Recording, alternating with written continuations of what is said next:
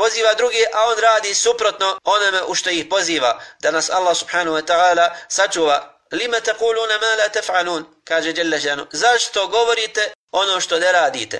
Kabura maqtan inda Allahi an taqulu ma la taf'alun. Kaže veliki grijeh je kod Allaha da govorite suprotno onome što što radite. I zato rad po znanju je plod tog znanja. Znači znanje je kao stablo, kao drvo, a rad po znanju su plodovi koji rastu iz tog drveta. I onaj koji zna, a ne radi po znanju, njegovo stanje je gore od stanja džahila, onog koji ne zna, od stanja neznalice.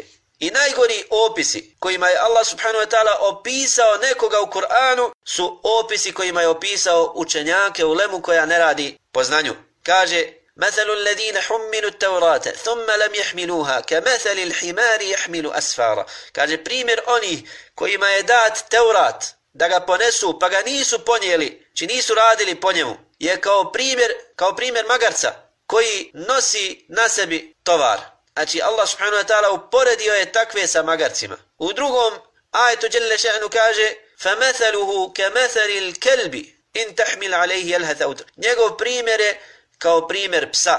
Znači navodi ovaj primjer za čovjeka kojem je Allah subhanahu wa ta'ala dao ajete pa nije radio, nije radio po njima. I onaj koji radi bez znanja, takav se poistovjećuje sa kršćanima. Za koje je Đelle še'nu rekao da su abdalul, oni koji su u zabludi. Dok onaj koji zna, a ne radi po tom znanju, takav se poistovjećuje sa židovima za koje je Đelle Še'nu rekao da su al-magdubi alejhim, oni na koje se on rasrdio.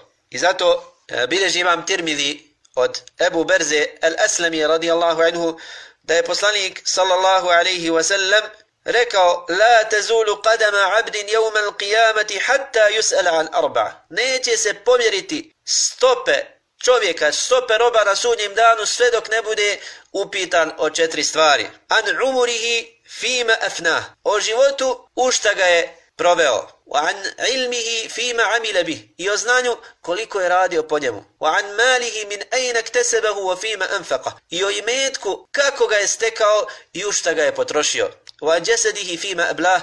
I o svom tijelu kako ga je istrošio. I hadith koji ga zabilježio ima muslim poznati hadis od Ebu Horere radijallahu anhu u kojem poslanik sallallahu alaihi wasallam spominje prvu trojicu sa kojima će biti potpaljena džehennemska vatra da nas Allah sačuva pa kaže učenjak koji je učio znanje karija, učač Kur'ana koji je učio da bi se reklo da je učenjak, da bi se reklo da je, da je učač.